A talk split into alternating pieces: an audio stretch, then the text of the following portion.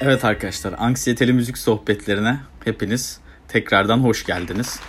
Tekrardan neyse, daha ilkini söylüyorum ama bugün çok çok değerli bir konuğumuz var. O yüzden çok heyecanlıyım. Ee, kendisi benim e, üniversite konservatuar yıllarımdan can dostum, kader arkadaşım ve e, çok usta bir saz ve söz sanatçısı olan Mahsun Çelik bu hafta bizlerle. Mahsun hoş geldin abi. Hoş bulduk kardeşim. Abi ne haber? Ne var ne yok? İyi diyelim iyi olsun yani. Aslında iyi değil de pek. Yani Evet. laf, lafta iyi, iyiyiz yani. Evet abi bu durumdan yani maalesef ki bütün camiası böyle en büyüğünden en küçüğüne kadar etkilenmiş vaziyette. Biz de böyle birazcık e, bu alana birazcık görünürlük kazandırmak için böyle çevremizdeki dostlarımızı, müzisyen arkadaşlarımızı falan böyle çağırıp bir program yapmaya e, karar verdik. Ve bu haftanın değerli konuğunda sensin abi. E, Teşekkür ederim. Geldiğin için çok teşekkür ederiz kabul ettiğin için davetimizi. Ben teşekkür ederim. Canımsın kardeşim. Evet abi. Önce e, dinleyenler için ve tabii ki Esin ve Özgür de seni ilk defa görüyor. ilk defa tanışıyorlar. Böyle birazcık kendinden bahseder misin abi bize? Ne iş yapıyorsun? Ne yapıyorsun? Kendimden bahsedeyim. Normalde şimdi kamerada olduğu için aslında bu, bu tip bu tiple değilim değil mi ben? Normalde saçlarımı falan kestirdim. Saç saç sakal bayağı bir değişti yani Evet. tipim. Ee, ben Mahsun Çelik. Ee, 1994 Sivas doğumluyum. Şey Sivaslıyım. Yeni mahalle doğumluyum. Ankara'da doğdum, büyüdüm. Normalde aslen Sivaslıyım. Ee, Gazi Üniversitesi'ni kazandığımda işte 2014 yılıydı değil mi?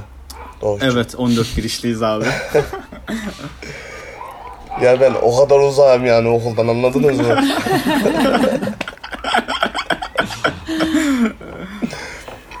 ee, okul yıllarım tabi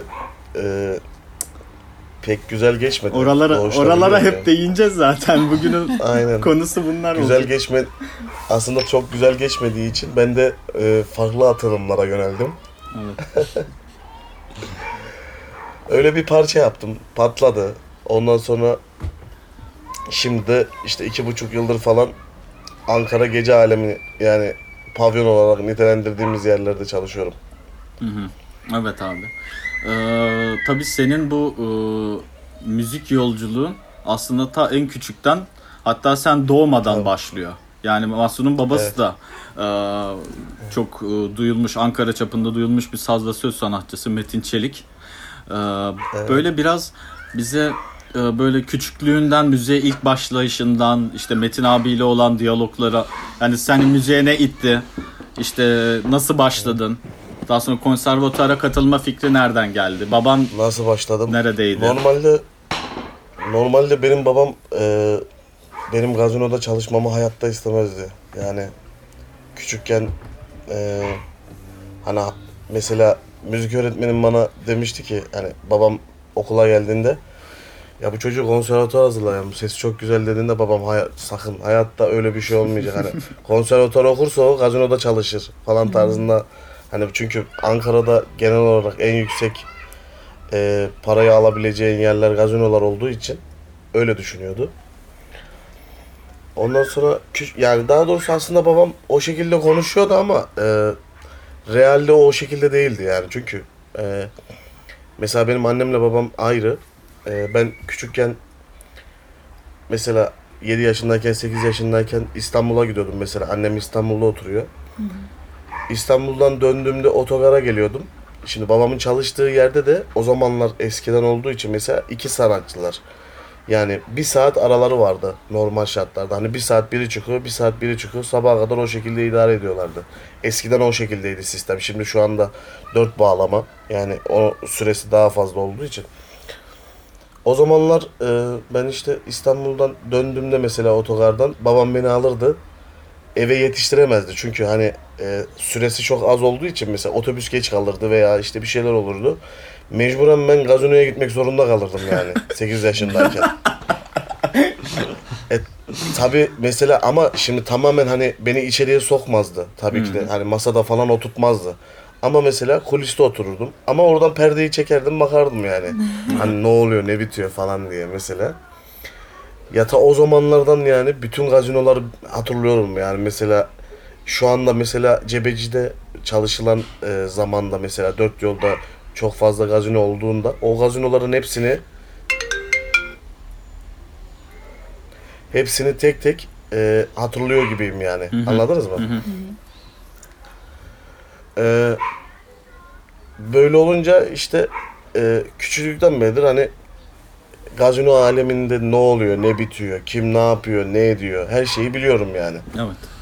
Hani mesela bazıları bana şey söylüyor. Ya bir tane parçayla patladı. İşte Ankara'da geldi mesela işte atıyorum mesela benim bir hedefim vardı mesela. İşte en yüksek yövmiyeleri alayım. Hani en iyi sanatçıların şeylerine ulaşayım diye. O yövmiyelere ulaşayım diye bir hedefim vardı. Ona çok çabuk ulaştığım için mesela insanlar beni böyle yadırgıyor.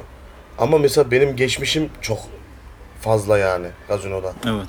Yani bir 15, 15 yıldır hani küçüklüğümden beridir oradayım yani. Bildiğim bir yer yani. Kimlerin ne yaptığını, ne ettiğini, eskileri her şeyi biliyorum.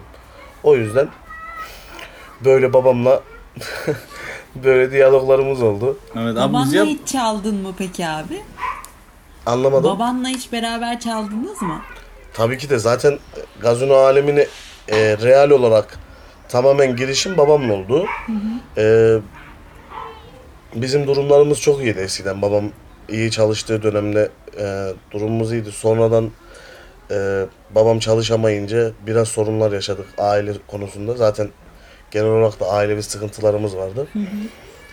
2012'de falan 2011'de 2012'de o dönemlerde e, ben zaten gazinoya başlamıştım yani. Babam bana eve bir baba bana bir klavye al klavye öğrenebilir miyim diye sorduğumda o da bana zannetmiyorum ama istiyorsan alayım sana klavye demişti. Almıştı bir hafta sonra gazinoya başlamıştım. çok, seri olmuş. Çünkü çünkü oyun havası o kadar basit ki yani e, müzik konu müzik olarak diyorum yani. Eserler tamamen birbirlerine benzediği için e, akor sistemi de hani mesela klavyedeki akor sistemi var ya yani çok basit.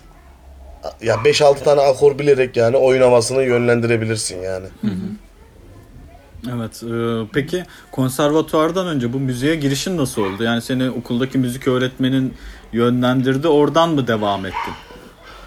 Ee, sen zaten bu konuları iyi biliyorsun kanka. Yanımda olduğu için. Ee, ben işte üniversiteye ilk ilk senemde üniversitede Kırıkkale inşaatı kazanmıştım işte. Ee, bir hafta gittim okudum. Bir hafta sonra geri geldim işte Ankara'ya. Kız kardeşim buradaydı. Ee, ailevi sorunlarımız vardı. Babam İstanbul'a gitmek zorunda kaldı. Ankara'da değildi. Ben de kız kardeşime bakmak zorundaydım. O da okuyordu, lisede okuyordu. Ee, geri geldim. Ee, o zamanlar garsonluk falan yaptım. Ondan sonra benim zaten lise dönemlerimden e, çok sevdiğim e, müzik öğretmenim vardı. Celal Oka Dursun diye. Ee, onunla birlikte lise lise 2'de tanışmıştım onunla. Lise 2'de zaten lise 4'e kadar onunla ben bayağı bir hani mesela kaç 3-4 kere falan zaten lise arası yarışmalarda birinci olmuştum, ikinci olmuştum yani. Ee, onunla bayağı bir müzik olarak, müzik müzikal olarak yani kendimi geliştirmiştim Celal Hoca'yla. Sonra Celal Hoca bana dedi ki, oğlum dedi hani boş duruyorsun dedi. Gel dedi ben seni konservatuvara hazırlayayım falan. Biz konuşuyoruz tabii sürekli. Ben de o zamanlar garsonluk yapıyordum. Kahveci Hacı Baba'da çalışıyordum Kızılay'da. Ondan sonra öğlenleri işte saat 2 gibi falan başlıyordum işe. O da e, benim kendi Mustafa Kemal Lisesi'nde müzik öğretmeniydi. E, teneffüslerde falan aralarda geliyordu bana mesela işte tek ses, çift ses, üst ses onları gösteriyordu. Hani Gazi Üniversitesi'ne girmek istiyorum falan dediğimde de ya imkansız senin orayı kazanman hani birazcık işte çalış falan diyordu bana. Ondan sonra öyle başladım işte. Bir sene boyunca onunla birlikte ezgi tekrarı, ritim tekrarı hepsini göstermişti bana yani. Allah razı olsun ondan yani. Çok sevdiğim bir hocam yani. Evet. Bana hem mad- maddi manevi çok çok fazla yani bel- belki de benim hayatımı değiştiren insanlardan birisidir yani. Evet. Aa, evet ne abi. güzel. Peki e, müzikolojiden mi mezunsun sen de? Yok ben ses eğitimi. Ses ya ben daha mezun, Mezun olmadım. da değil zaten. evet abi ya birazcık e, olayı böyle hafiften e, Gazi'ye getirmek istiyorum Türk Müziği Konservatuvarı'na. Okulu kazandık. Biz Mahsun'la aynı dönem girdik. E, 2014'te ikimiz de. E, hani benim okulla ilgili görüşlerimi daha önceki podcastlerde dinleyen arkadaşlarımız olmuştu da sen ilk hani girdin evet konservatuvar müzik okuyacağız. Sonra nelerle karşılaştın ki bizim gördüğümüz baskının yanında müzikoloji bölümünün gördüğü baskının yanında Mahsun ses eğitimiydi. Ses eğitiminin gördüğü baskı çok daha fazlaydı. Onları Mahsun'dan dinleyelim yani. Buradaki herkes müzisyen mi bu arada? Onu sorayım ben bir önce. Evet. Evet evet. Evet. Özgür. Ben bas gitaristim Mahsun. Ee, ailem de müzisyen. Babam müzisyen. Ablam trompet mezunu. Babam keman bölüm mezunu ama e, o 40 yıldır falan bağlama çalar. Öyle büyüdüm. Yani öyle müzisyenim ben de işte. Devam. Normalde normalde okulunu okumadın ama değil mi? Şey okudum konservatuara girdim. 10 yaşından işte 18'e kadar 9 yıl toplam keman bölümündeydim devlet konservatuarında. Sonra üniversitede elektrik bas bölümüne geçtim. Evet. Sonra işte hem Esin? piyasada çalıyorum şu an aktif olarak. E tabi bu karantinadan mütevellit hepimiz gibi evdeyiz yani. Şu an pinekliyoruz yani. Öyle benim hikaye öyle yani. Esin sen? Ben de ortaokulda e, konservatuara girdim. Piyano bölümüne girdim. Bir lisans 2'ye kadar piyano bölümünde durup sonra e, lisans 1'i baştan alıp müzikolojide devam ettim. Şimdi yüksek lisanslı Hangi? Doğuş'la işte Hangi beraber. üniversite? Anadolu. Üniversiteye giriş hikayem e, üniversite yani Gazi Konservatuarı kazanmam zordu yani benim normalde hani çünkü makam bilgisi olarak çok zayıftım. Yani güzel şarkı söylemek illa bir hani konservatuar oku- okumayı gerektirmiyor yani. Tabii. Tabii. Ama e, hani ben böyle e, Celal Hoca'ya söylüyordum yani. Kazanacağım ben. Gazi Üniversitesi'ni kazanacağım falan. Gazi Konservatuarı kazanacağım. Benim gözümde çok büyüyordu yani Gazi Konservatuarı normalde. Girene kadar. Sonra e, e, puanım da düşüktü. 20. şekilde 20. olarak girdim yani. Sonuncu oldum ama girdim yani okula. Zar zor bir şekilde. Sonra okula girdik. Ee, ben zaten çok devamsız olduğum için devamsız bir öğrenci olduğum için çok fazla hani bir şeyler başaramadım yani. Değil mi? Doğuş öyle söylüyorum. o yüzden tasdik bekliyorum. Adam çalıyor Daha sabaha doğrusu- kadar nasıl gitsin okula? Daha doğrusu şöyle şöyle söyleyeyim. Maddiyat e, beni biraz zorladı ya okulda. Öyle söyleyeyim yani okul okumamda. Evet. Yani şimdi düşünüyorum da yani mesela hani normal bir hayatım olsaydı belki de şu anda ben müzik öğretmeni olabilirdim mesela. Yani veya yüksek lisans ben de okuyor olabilirdim yani. Evet. Evet. Ee, Çünkü hani bizim okulda şöyle bir şey geçerli. Okula gelirsen eğer mesela okulda sürekli derslerde bulunursan e, veya işte hocalara bir şeyler yaparsan e, yani geçebiliyorsun dersi öyle söyleyeyim. Hani zor ama e, hani okulda bulunduğun sürece o dersi verebilirsin yani. Ama ben okulda bulunmadığım için hiçbir dersi veremiyordum ya. evet Ama abi. yani Yani, zaten aslında okul e, bir meslek edindirecek ya sana. Mezun olduktan sonra e, o mesleğin doğrultusunda para kazanacaksın. Hani sen önce para kazanıp ondan sonra diplomayı alma yoluna gitmişsin. Neticede para kazanıyor musun? Bir mesleğin var mı? Okey yani. Yani bence e, şu anda ben yani Türkiye'de e, para olmazsa okul bence çok zor yani. Çünkü kafan sürekli orada olduğu için. Bir de yani mesela şöyle değil yani. Hani küçükken mesela parayı düşünmezdik ama e, büyüyünce e, bakmakla zorunlu olduğun birileri olduğu için kafan sürekli oraya gittiği zaman okulunu falan okuyamıyorsun yani. Yani daha doğrusu şöyle söyleyeyim. Konservatuvar okumak biraz zorlaşır yani. Bence başka bölümü bitirebilirdin. Hani giderdim mesela atıyorum edebiyat okusam mesela bir şeyleri ezberleyip bir şeyler yapabilirsin ama e, konservatuar bölümünde hem ezberleyip hem birebir olduğu için dersler birebir yaptığın için hocayla mesela e, şeylerini sınavlarını o zordu yani anladınız mı? Hani ben yapamadım yani onu çünkü çalışmadığım için olmadı. Hani başka bir bölümde çalışmasan da belki geçebilirsin yani bir, bir dersi. Öyle değil mi bence? Öyle yani. Ya evet. Ama konservatuarda konservatuarda o yok yani. Çalışman lazım yani özellikle. Evet bunu e, zaten önceki podcastlerimizde diyoruz yani oturup böyle inek gibi enstrüman ya da atıyorum e, şey e, eserleri böyle hayvan gibi YouTube şey yapman lazım ezberlemen lazım ki işte ben hatırlıyorum sizin nazariyat sınavlarınızda atıyorum Tabii. 10 tane işte bilmem ne şarkısı, saz semayesi falan bunların işte içinden iki tanesi okunacak ama işte o, Belli ezbere ok- okunacak hangisi belli değil falan. Böyle Aynen. ya biz yine birazcık daha şeydik. Bu arada bu eğitim sisteminin eşitsizliği ile ilgili Fransız bir düşünür e, Bourdieu'nun şöyle bir şeyi var. Hani para zaten işte ailemizin parası parasal durumları bizi zaten bir eşitsizlikle sürüklediği gibi atıyorum o ailede senin küçüklükten öğrendiğin dil e, ve o ailenin sana kattığı şeyler işte atıyorum sen küçükken 3-4 yaşındayken işte e, okulda konuşulan dile yatkın şeyler duyuyorsan eğer ailenden e, bu durum seni okula daha çabuk ab- adapte edebiliyor. Ya da ne bileyim eğer ailen sana da e, okulu alıştıracak aktivitelerde bulunuyorsa e, bu aktivitelerin e, seni okulda diğerlerine nazaran 1-0 öne geçirdiğini söyleyerek eğitim sisteminin eşitsizliğine vurgu yapıyor. Ya bizim okulda e, e, başka eşitsizlikler de vardı Masum. Mesela e, ben e, bağlama çalmıyordum ama sınava girdiğimde bağlama çalıyorum demiştim. Bana enstrüman olarak e, Neden peki? Ha, Türk müzik konservatuarına giriyorum ve gitarcıyım yani. Ne çalıyorum diyebilirim ki piyano dedim. Bağla, işte piyano çalıyorum, gitar çalıyorum, bağlama çalıyorum. Hani Türk müziği kanadından da varım. Bağlama dedim bana yardımcı enstrüman tambur yazdılar. Mesela ondan sonra bir arkadaşımız işte piyano çalıyorum demiş. Ona kanun yazmışlar hani böyle.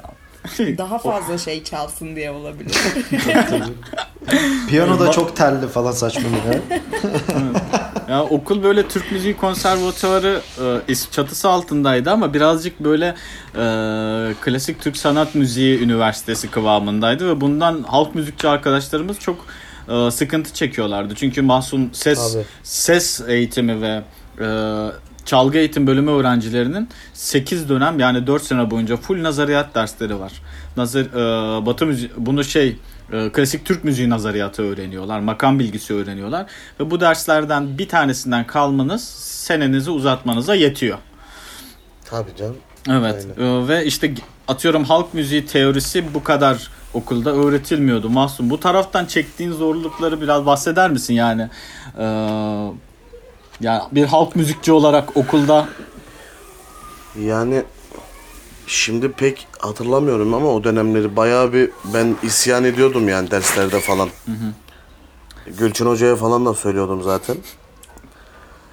Ee, okulda mesela e, halk müziğiyle ilgili e, bir Barış Hoca vardı bir de İhsan Hoca vardı yani başka bir hoca yoktu İhsan yani. Hoca dışarıdan Hani- geliyordu zaten. O da İhsan Hoca zaten aynen dışarıdan giriyordu. Yani onun da dersi çok azdı yani. Bir saat mi? iki saat mi? Evet. Öyle bir şeydi herhalde. Toplu icrada. Yani başka bir bir toplu icrada başka türlü hiç ayrılıyordu. değil, hiçbir şey yapılmıyordu yani Türk halk müziğine dair. Bölümün Türk halk müziği ama sürekli e, nasıl söyleyeyim Kur'an eğitimi veriliyordu sanki yani okulda öyle söyleyeyim yani. Evet ya. Ee, okulun ilk günlerinde şöyle bir olay oldu. Bilmiyorum sen o sınıfta var mıydın ya? Nazariyat dersinde. Benim imza muhabbeti var da. Ya şimdi üniversiteye hani üniversiteye gidiyorum. Konservatuvar. Tabii o kadar safım ki hiçbir şey bilmiyorum böyle. O müzik okuyoruz falan lay lay lom. İşte bir tane arka- Aynen. arkadaşım gelmedi. Tamam mı? Gelmediğim arkadaş da Esin Osman bu arada. Osman gel gelmedi dersi tamam mı? Okulun böyle ilk haftaları. Ben dedim ki üniversite değil mi anasını satayım. Atayım çocuğun yerine imza. Çocuğun devamsızlığı gitmesin boşuna. Yani. Oysa ki böyle göt kadar sınıfta böyle 25-30 kişi falanız. Ondan sonra neyse boklamayı topladı hoca. Ondan sonra dedi ki kağıda Hatırladım onu. kağıdı aldı eline dedi ki dur o zaman ya listeden bir tanışalım sırayla dedi. Tamam mı imza atanların. sırayla böyle ismini okuyor. Osman'a geldi. Osman diyor. ses yok. Ses. Osman diyor ses yok. Arkadaşlar Osman'ın yanında imza var falan. Ondan sonra böyle bayağı bir tehdit etti. Vay işte hepinizi bilmem ne yapın falan deyince ben çıktım hocam o imzayı ben attım falan dedim böyle. Yani burası o üniversitelere benzemez falan yapmıştı böyle. Ama böyle okulun ilk haftası birinci sınıfım böyle direkt gözler üstüme geldi. Neyse ondan sonra tabii ki beni Gülçin Hoca'ya şikayet etmişti. Böyle kurucu müdüre. Gülçin Hoca da eee, çok bir şey demedi Allah'tan yani. Burası öyle üniversitelere benzemez diye ufak bir uyarı çekip sonrasında ben de anlamıştım nereye düştüğümü. Abi Gerçi sen Doğuş sonradan sen bayağı bir düzeldin. İlk, ilk iki senen senin bayağı bir belli olduğun için fena geçmişti. evet iki, iki senemden sonra Mahsun okulu bıraktı. Ben iki sene mahsusuz devam ettim. İşte direksiyon Allah'a şükretti yani. dua dua etti yani Allah. Evet abi peki o zaman biraz şeye gidelim mi? Bu pavyon e, hikayelerine. Oraya başlaman, okulu bırakmana ne Olur. karar verdi? İşte bu pavyonun başlangıcın nasıl oldu? Ee, pavyona başlangıcım zaten okul Varken de zamanlarındaydı. gidiyordun. O- okula gidiyordum. Zaten sen biliyorsun o dönemleri yanımdaydın. İşte ya zaten alttan alttan böyle okulda da bağlama çalıştığım zamanlar falan okula geliyordum mesela millet işte bağlamayla mesela işte Konya tavrını işte bilmem ne tavrını öğrenirken ben orada oyun havası çalıyordum. ama ama yakalanmaması lazım. Mesela eğer Gülçin Hoca okuldan Tabii, çıkar, tabii. çıkarken çalışma odaları alt sınıftaydı bizim alt kattaydı. Okuldan çıkarken yakalayabiliyordu bazılarını. Aynen.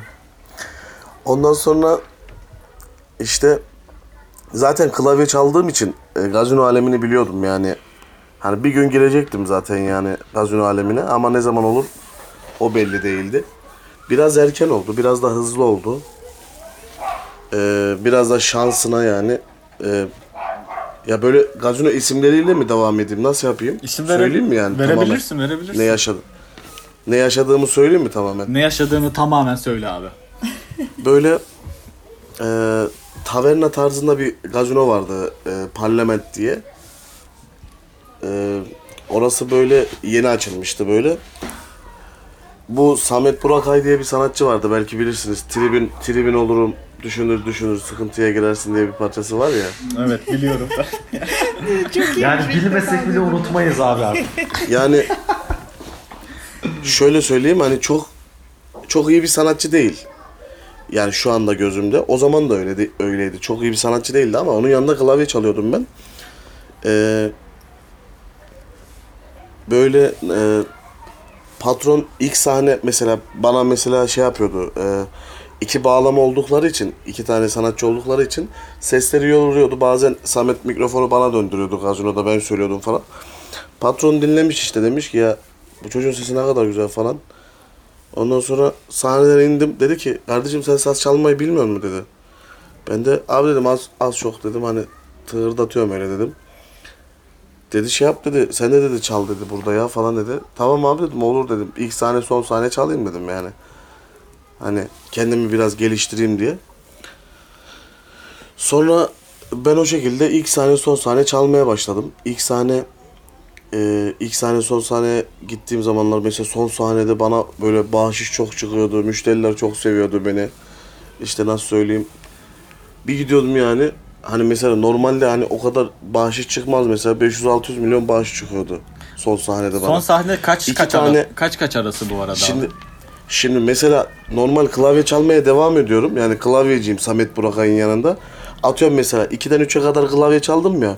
3'ten 4'e kadar da son sahne olduğu zaman o klavyeyi topluyordum. Sazcı oluyordum bu sefer de. Ondan sonra böyle millet hani e, şey yapıyordu yani böyle ya ne kadar güzel sesi var falan filan böyle alttan alttan hani desteklemelere falan başlamışlardı. Ondan sonra orada işte böyle bir adım attım yani. Ee, böyle 5-6 tane falan parça biliyordum yani hiç unutmuyorum. Sürekli onları döndürüp döndürüp çalıyordum.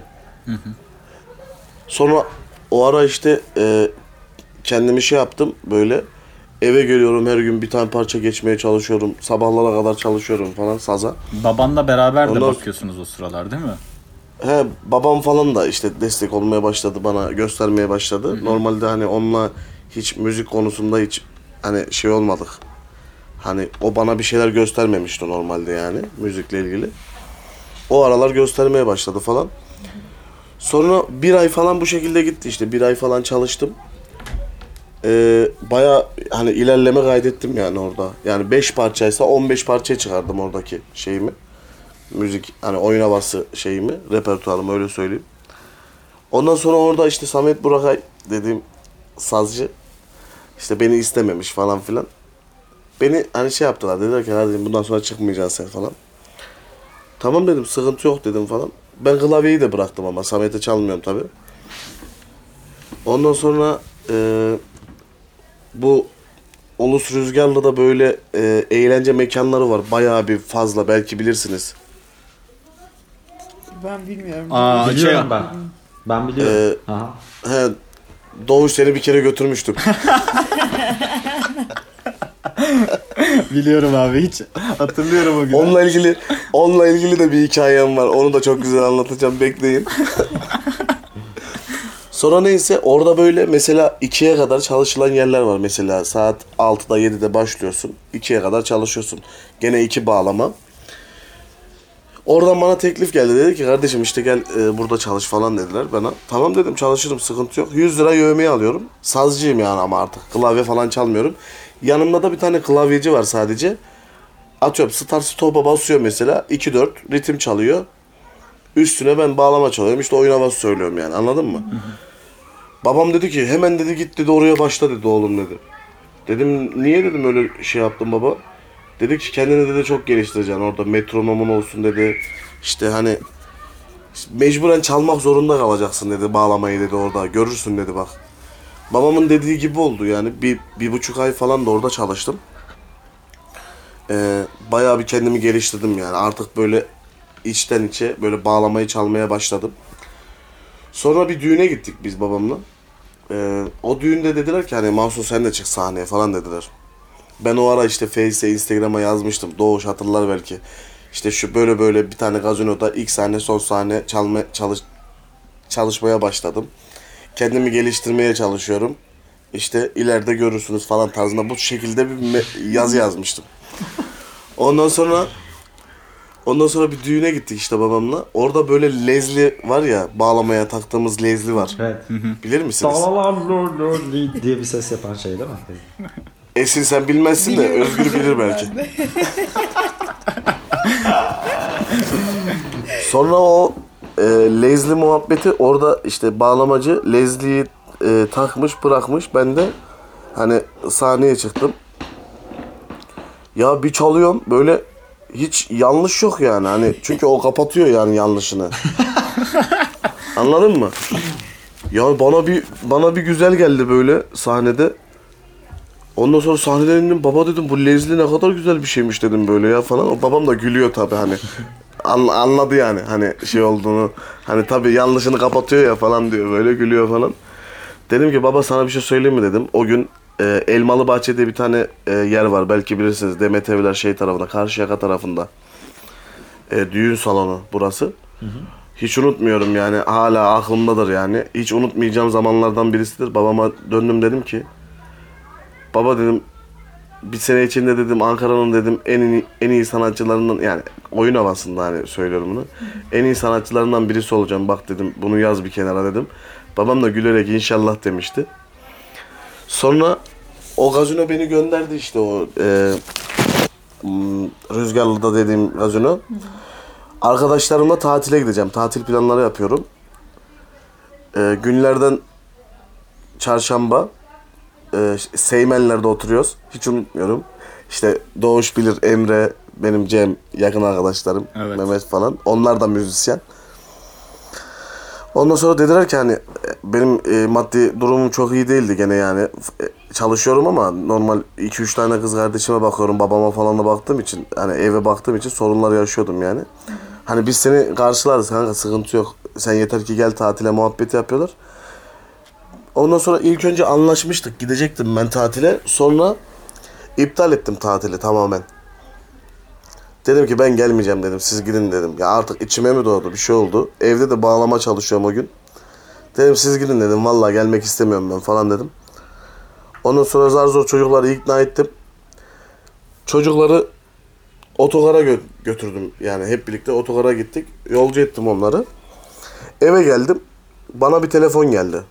İşte bu Reyna gazinosu var. Belki bilirsiniz. Önünden geçtirseniz Maltepe'de. Evet. Ora Ankara'nın en iyi 2-3 gazinosundan birisi yani. Oranın e, orada mesela e, fotoğrafçı ama menajeri gibi bir çocuk çocuk var işte. Kanka dedi yarın dedi e, bağlamacı yok dedi. 8'den 11'e kadar bizim gazinoda çalar mısın dedi. 600 lira yövmeye dedi sana. Ben de tabii dedim çalarım kardeşim. Nerede olsam gelirim dedim yani. Başka bir yerde çalışsam bile gelirim yani. Öyle bir gazino. Hani çok çok güzel bir gazino, büyük bir gazino yani. Herkesin ya Engin Can falan orada çalışıyor. Hüseyin Kağıt falan hepsi orada yani anladınız mı? Ankara'nın iyi sanatçıları orada yani. Yüksek görmeye çalışıyorlar. Sonra e, tabii dedim gelirim ya sıkıntı yok falan. Evde falan bayağı bir ben böyle repertuar yapıyorum kendime işte çalacağım söyleyeceğim falan filan. Ertesi gün Lezli buldum. Sağdan soldan Lezli arıyorum. Ondan sonra sonra Leslie'yi buldum. Bağlamayı da ayarladım. Reyna Gazinosu'nun önüne gittik. Babam arabadayız. Babam bana döndü böyle. Ön koltukta oturuyordu. Arkadaydım ben. Dedi ki eğer dedi düzgün bir sahne yaparsan Mansun dedi. Yarın dedi bu gazinoda çalışmaya başlayacaksın sen merak etme oğlum dedi. Ben de dedim ki baba hani içimden küfür ettim yani şimdi onu söylemeyeyim de. hani bir yürü git baba ya dedim yani anladın mı hani.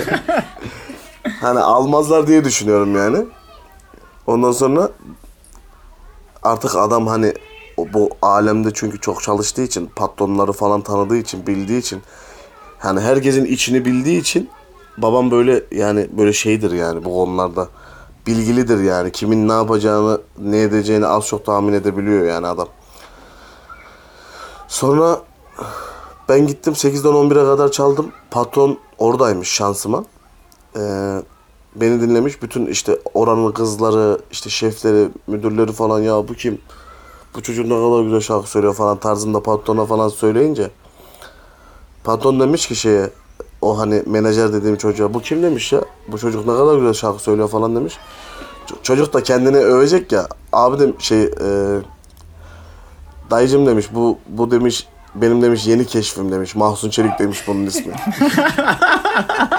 Tüm müzik marketlerde. sanki he, sanki neyi keşfediyorsa. Ondan sonra sahne bitti. 11 oldu saat. Sahneden indik biz neyse. Ben kan ter içinde tabii. Sahneden indim kulise girdim neyse. Kulise müdür geldi. İşte iki tane müdür geldi. Bir de bu e, menajer dediğim çocuk geldi. Kardeşim dedi yarın dedi yarın dedi gene dedi buradasın dedi. Sahnem var dedi. Sakın dedi bir yere söz verme dedi. Ben de nasıl yani dedim. Vallahi dedi patron öyle söylüyor dedi. Yarın dedi 12 bir buçuk çalacaksın sadece tek sahne dedi. Şimdi ilk sahneye gitmişim. Boş koltuklara çalmışım. Bir de ertesi gün cumartesi Cumartesi günü yani dükkanın en kalabalık olduğu zaman 12 bir buçuk arası tek sahne bana tek sahne veriyorlar Reyna'da. Düşün yani. Yani patronculuğa bakar mısın bak. Hani ben orada şu anda şu anda orada çalışmıyorum ama mükemmel bir patronluk yapan insanlar. Yani o adamlar parayı yani bulmuşlar ama hani böyle hani o buldukları para yani belli yani anladın mı? Patron çok iyi patronlar yani.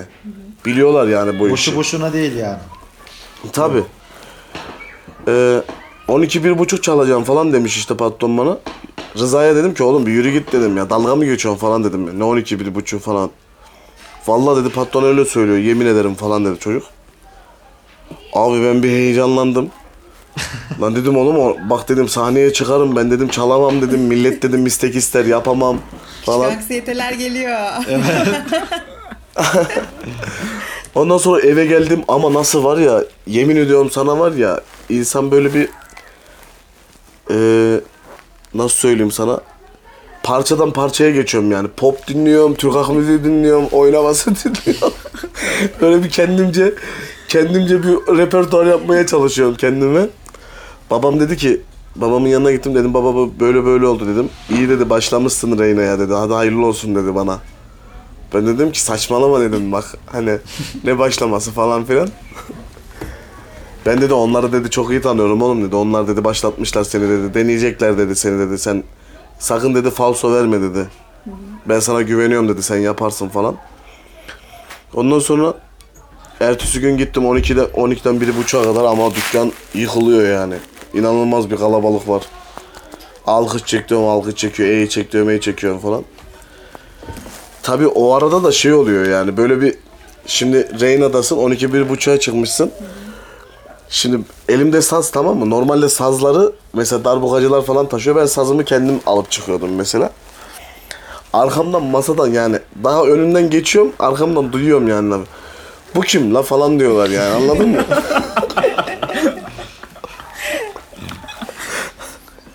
Gülerek sahneye çıkıyordum yani bu kim la falan diye böyle söylüyorlardı gazinoda falan. Neyse öyle Reyna'da işte patron şey yaptı. e, sahne bitiminde yanına çağırdı beni. Dedi ki ben dedi yarın diğer gün yokum dedi. Salı günü dedi seninle dedi görüşeceğiz. Salı gününe kadar sen çalış dedi burada. Ben salı gününe kadar çalıştım. Salı günü oldu. Böyle müdürleri falan toplamış. İşte sahne sahne çökçülerini falan toplamışlar. Böyle toplantı yapıyorlar. Beni de yukarıya çağırdılar. Mahsun gelsin falan demişler. Hep aynı Gittim saatte mi yukarıya. çaldın bu arada? Hep 12 bir buçuk mu çalmaya devam ettin salıya? Yok normal bu sefer mesela diğer sazcılar gibi mesela bir sazcı 8-9'da çıkıyor, bir sazcı 9-10'da çıkıyor, diğeri 10-11 çıkıyor. O gün 3 bağlamaysa 11-12 daha çalıyorsun, bir de 2-3'ü çalıyorsun mesela. Hani 3 sahne çalıyorsun mesela. Anladım. Sistem öyle. Hani bir sistemi var yani mesela 2 iki sahne düşüyor herkese. Beklemek zorundasın 3-4 saat arada. Sonra ben eee çalıştım neyse salı gününe kadar. Salı günü oldu işte toplantı yaptılar. Toplantıda dedi ki ya işte patron bana diyor ki Valla diyor biz diyor 5 gündür diyor seni takip ediyoruz oğlum diyor. Hani diyor bir insan diyor kaldırıp da kafasını diyor bir tane kadına kıza bakmaz mı diyor yani. Zaten o o muhabbetler var gazinoda. Mesela bir sazcı bir kadınla muhatap olamaz yani mesela. Anladınız mı?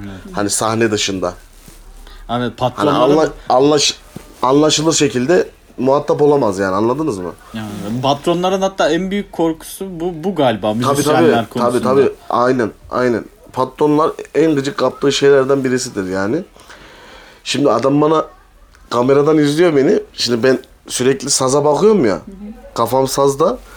Diyor ki herkes diyor bütün kızlar senin gözünün içine bakıyor. Sen diyor kafanı kaldırıp bakmıyorsun.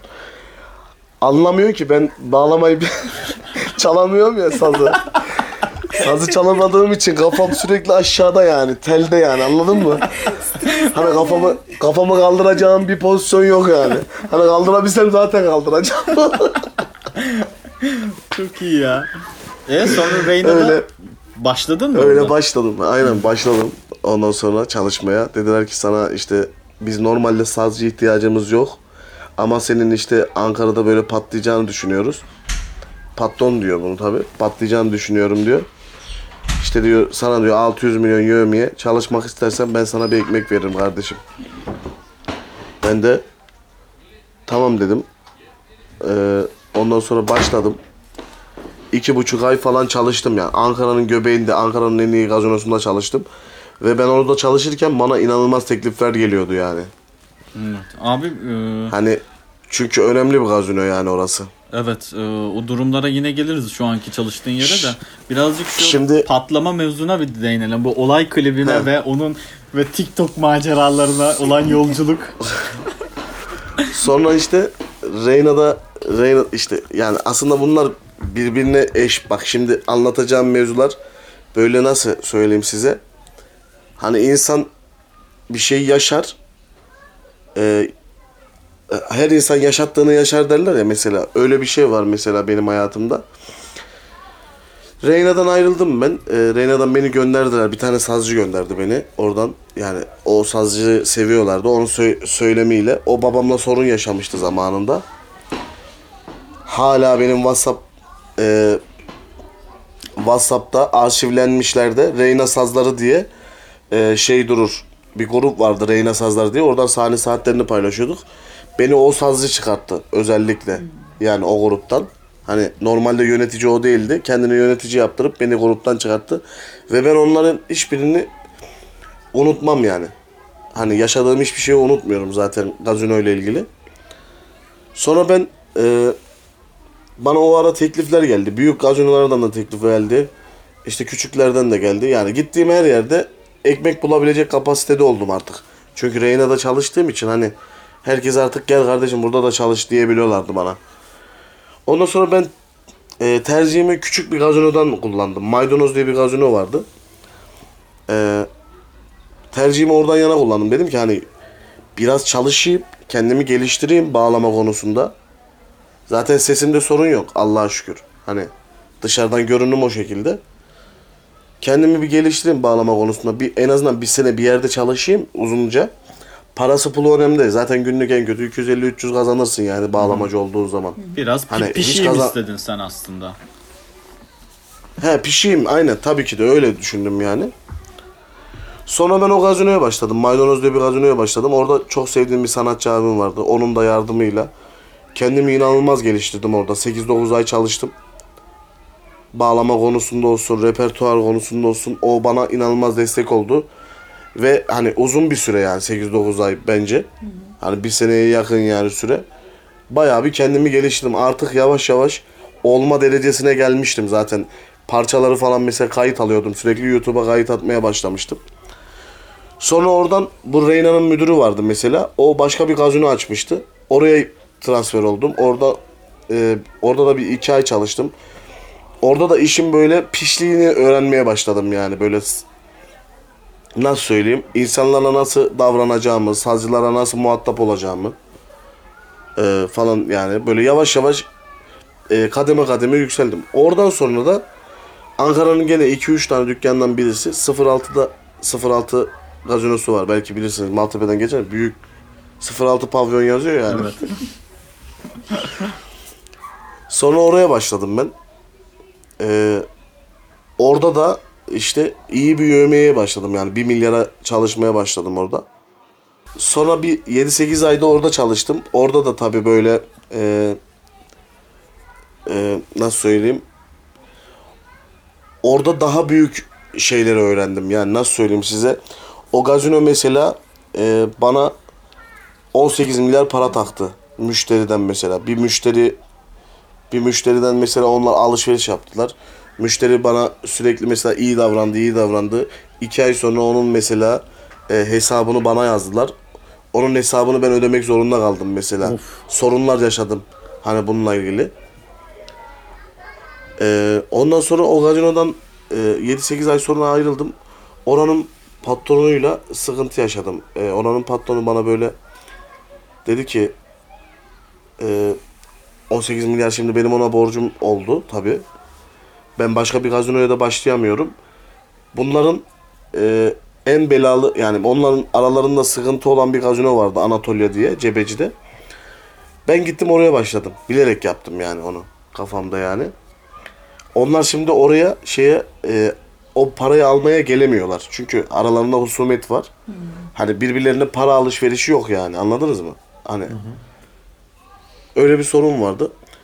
Bu patron bana dedi ki işte benim dedi paramı getir dedi işte e, yoksa dedi senin dedi parmaklarını kırarım falan filan tarzında böyle konuştu. Ben de dedim ki yani dedim "A- be- ya dedim bekleyeceksin beni dedim ya da dedim gazinodan gel al söyle dedim. Buradakiler versinler sana dedim paranı. Dedi ki sen dedi iyi bir sanatçı olsaydın dedi bak dedi seni dedi bütün dedi gazinolar dedi isterdi dedi. Sana dedi 70-80 milyar dedi avans verseler de dedi sen dedi istediğin gazinoya başlardın dedi. Ama dedi çok iyi bir sanatçı değilsin demek ki dedi bana. Ben 7-8 ayda onun yanında çalıştım yani o patronun yanında. Ondan sonra e, ayın 20 günlük bir süre istedim ondan. 20 gün sonra borcumu ödedim ona. 20 gün boyunca yemedim içmedim yani paramı biriktirdim. 18 milyara ödedim. Ondan sonra e, orada çalışırken işte Isabel maceram başladı. Isabel şu andaki çalıştığım mekan. Bundan bir, bir sene önce oraya başladım. Mekan böyle yeni açılmış daha. Yani benim gittiğimde e, bir aylık falandı. Bana dediler ki böyle böyle hani çok yüksek bir para veremeyiz sana. E, gel başla buraya dediler. Çok yüksek bir ses geliyor şu anda. Doğuş senden mi geliyor? Ney? Tamam, Benden devam bana edelim. gelmiş olabilir ya. Dinliyoruz abi devam. Ondan sonra Isabel'de çalışıyorum işte. O Isabel'de çalıştığım zaman e, o 18 milyarı o ara ödedim yani ben. Onlara borcumu o 18 milyar o ara ödedim. Tabii ben o borcumu ödedim ama o gazinoda da ben iz bıraktım yani o 06 gazinosunda. Çünkü kimse işine gücüne bakmıyordu. Ben bir tek işime gücüme bakıyordum. Yani ben kimseyle muhatap olmuyordum. Ne kadınla kızla muhatap oluyordum. Yani benim sürekli amacım bu gazinoya başladığımdan beridir hep yükseleyim. Hep yüksek paraya çalışayım. İşime gücüme bakayım. Hep bu şekildeydi yani. Ama Mahsun peki bu O pavyon, yüzden de bu pavyon raconları nasıl oluyor abi? Biliyorsun yani sen bu işin içindesin. Biz ziyade o kadar bilmiyoruz ama mesela atıyorum bir dansa kalkmak ya da ne bileyim konfeti patlatmak. Ondan sonra gibi olaylar. Mesela biraz bu taraftan anlatsana. O dünya nasıl? O ışıklar nasıl? Babamın bir arkadaşı derdi ki yani bu ışıklar diye pavyon ışıklarından bahsediyor. Beni çekiyor ya derdi. Bu insanların buraya Evet. gelip de 18 milyar para gibi bir borç yapmasına sebep olan şey ne abi ya? yani e, ya pavyon gerçekten de kendine e, Ankara'daki yani Ankara'daki bu sistem Türkiye'de hiçbir yerde yok. Yani yapamıyorlar da bunu daha doğrusu öyle söyleyeyim sana. Beceremiyorlar. Hiçbir e, şehirde yapamıyorlar. Mesela Konya'ya da getirmeye çalıştılar olmadı. Denizli'ye getirmeye çalıştılar. Antalya'ya getirmeye çalıştılar. Yapamadılar yani. Buradaki kazandığı parayı kazanamazlar yani. Çünkü buranın insanı, buranın e, adamı, pavyonu artık başka bir noktaya getirmiş. Öyle söyleyeyim sana. Yani inanılmaz bir eğlence var yani. Mesela bizim Isabel'de yani ben size mesela Whatsapp'larınızdan bir video atsam mesela belki doğuştan görüyorsundur benden. Yani mesela bir tane adam 30 tane kadınla sahnede oyun oynuyor. 30 tane kadın var karşısında. Yani inanılmaz bir ego tatmin ediyor o sahnede. Anladınız mı? Hani bir adam var sahnede. 30 tane bayan var yani karşısında. Bir bayan 60 lira. Yani bir bayanın oraya çıkması 60 lira. 30 tane bayan 1800 lira para yapıyor. Yani o 10 15 dakikalık oyun sadece 1800 lira ediyor. Evet. İşte ne bileyim zaten onu yaparken o sahneye çıktığında zaten o konfetiyi de meşaleyi de patlatıyor yani. Evet. Onlar da aslında hepsi hepsi ekstradan ücre- ücretli herhalde Yani- değil mi? Biraz da böyle tabii onlar e, tanesi 10 milyon konfetinin meşalenin tanesinde 25 milyon. Hı hı. E, zaten öyle bir o şekilde çıkan insanlar genelde zaten öyle sahneyi yakıyorlar yani. Evet. Öyle. Ama Ya bir de adam- sahneyi yakma Ha, onu sahneyi çıkan yakma kişi mi- muhabbeti var yani. Çıkan kişi mi istiyor, talep ediyor yoksa hani ya hazır çıkmışken 3-5 konfeti patlatalım zihniyeti mi? Pazarlama stratejisi. Ya zaten e, bu pavyonda şu anda e, inanılmaz bir ekmek yiyen bir kesim var yani anladınız mı? E, sigaracı var mesela. Atıyorum mesela dışarıdan sigarayı alıyor adam mesela içeride 5-10 milyon karına satıyor. Ama inanılmaz bir sigara satıyor yani. Hani para kazanıyor yani anladınız mı? O, o artık o adamın işi olmuş. Hani bir garsonluk gibi düşün yani. Orada da mesela bir meşaleci var mesela. E, meşaleci hemen zaten sahneye çıkanlara hemen mesela gösteriyor mesela meşale yakayım mı diye. Ta gözünün önüne kadar sokuyor zaten onu. ya şimdi bir de şöyle bir muhabbet var. Kadın ortamı olduğu için muhabbette bayan olduğu için Şimdi erkekle şimdi erkek karşısında bayan var tamam mı? Adam orada meşaleyi getiriyor. 25 lira şimdi o meşale. Adam meşaleyi gösterince hani karşısında kadın var yani anladın mı? Mecbur yakmak zorunda ona. Ürün yerleştirme gibi yani. Yani yani hesap hesap muhabbeti gibi aynı anladın mı? Hani öyle bir götürüyor, öyle bir gösteriyor ki hani. Hani bunu yakacaksın mı? Anladım. Yani gösteriyor mesela. Adam da adam da mecbur yani kadına rezil olmamak için yak ya lanet olsun diyor yani oynarken. Abi böyle o zaman adisyon çok komik oluyordur ya. 60 kadın, iki meşale, bir sigara falan onlar yazılıyor mu ya? Tabi tabi yazılıyor. Ne yaparsan yazılıyor. E tabi gazino e, onu şey yapıyor yani indirimini yapıyor yani kendi. Abi diyelim ödeyemedi. He? Adam diyelim ödeyemedi parayı. Başladı anksiyete. Aa, hadi Tadam, bakalım. tam, tadam. O zaman Evet. ne oluyor? Ya şimdi e, öyle bir muhabbet çok yaşadık biz. Yani iyi bir dayak yiyorlar yani onu söyleyeyim. Yani e, ya da şöyle şöyle söyleyeyim. Aslında e, bazen mes- biz- bizim gazinoda mesela bir genç tayfa geldi 3-4 tane. Çocuklar mesela böyle yediler içtiler. Çok da bir şey yapmamışlar. Hesap da az gelmiş. Bunlar müdüriyete aldılar. Mesela bizim patron dedi ki yani gönderin tamam sıkıntı yok dedi mesela. Çünkü hani böyle art niyet yok yani anladın mı? Mesela iki tane Red Bull içmiş bir tane meze yemiş yani. Önemli değil diyor adam.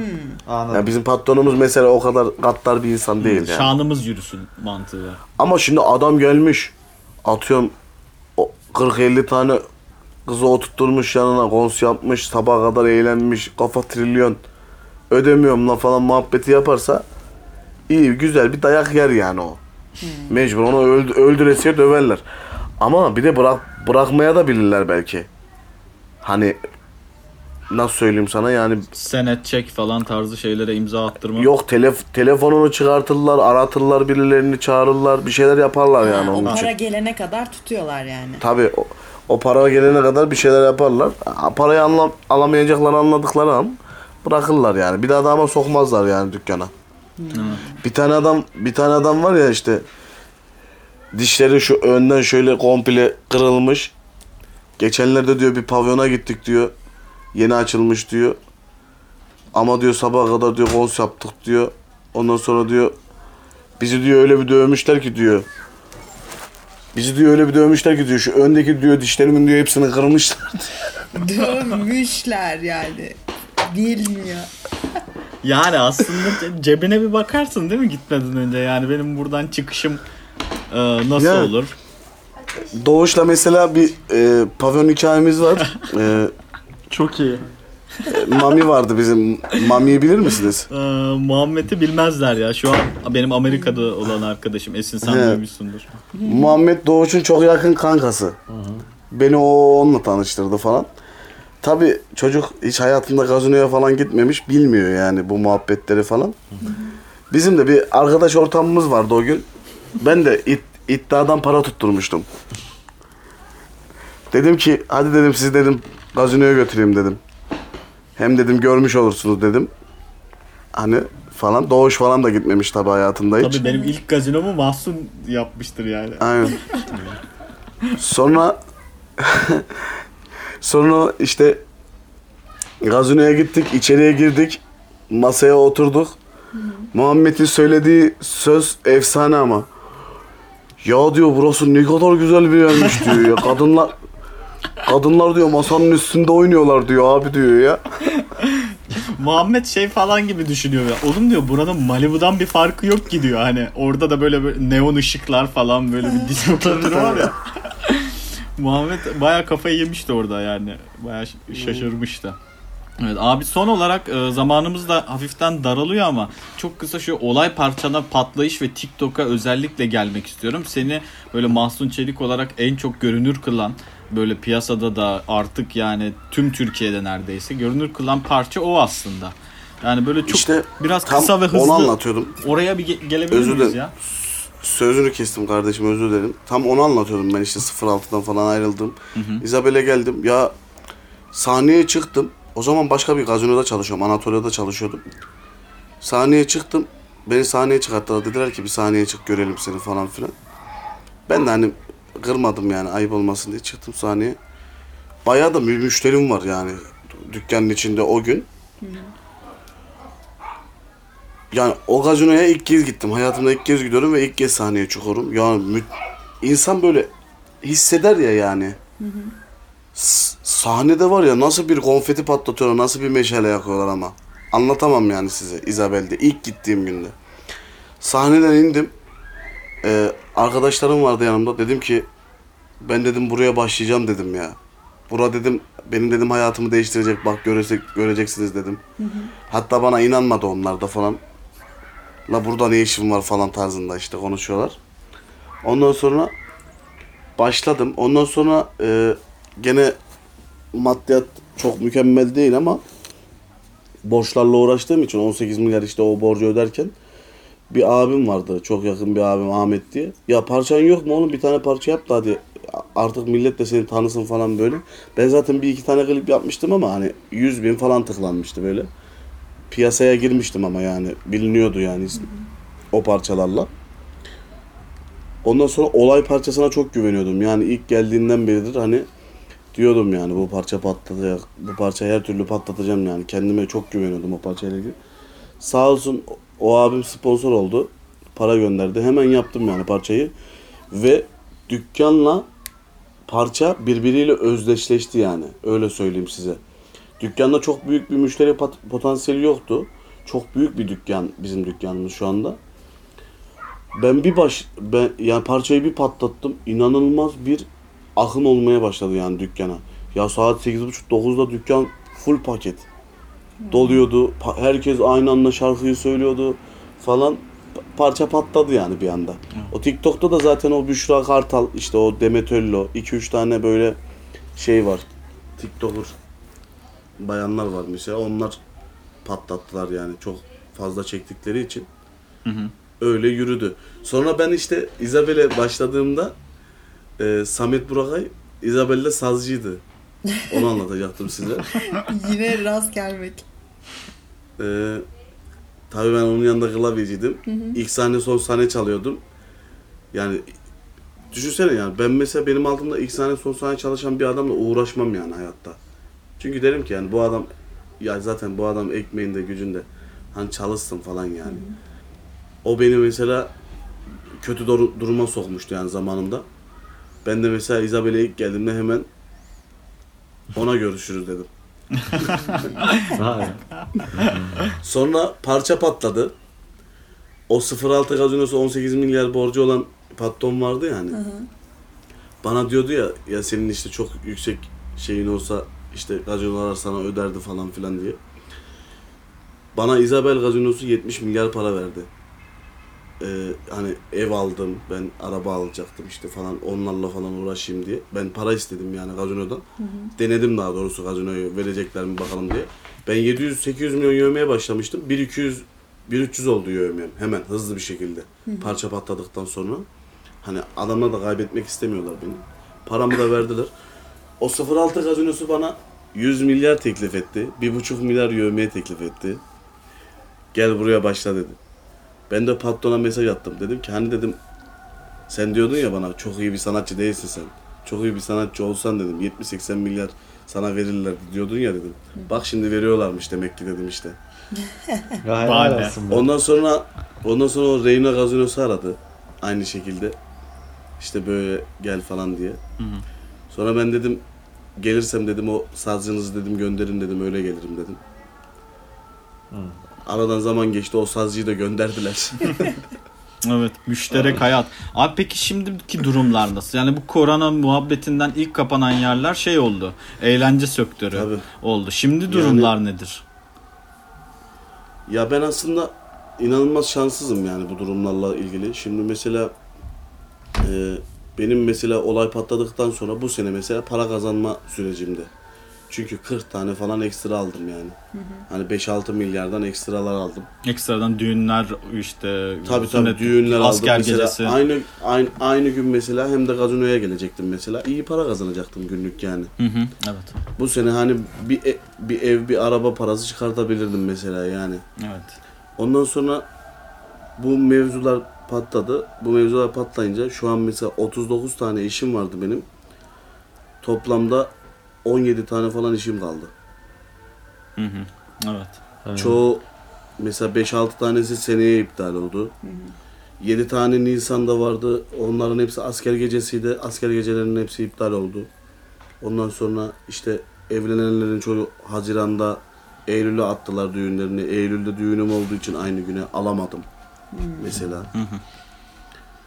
Çok sorun yaşadım. Yani şöyle bir durum oldu. Ben en son korona bitmeden önce işte sırf yövmeğimi arttırmak için başka bir gazinoya gitmiştim. Oradan tekrar tek İzabel'e geri dönmüştüm. Benim yövmem en son 2 milyar olmuştu. Yani çok iyi bir para olmuştu. Hani günlük yanımdaki çocuklara günlük zaten 250 milyon dağıttığım zaman en kötü 1400-1500 lira para kalıyordu bana yani bahşiş çıkmadan bile.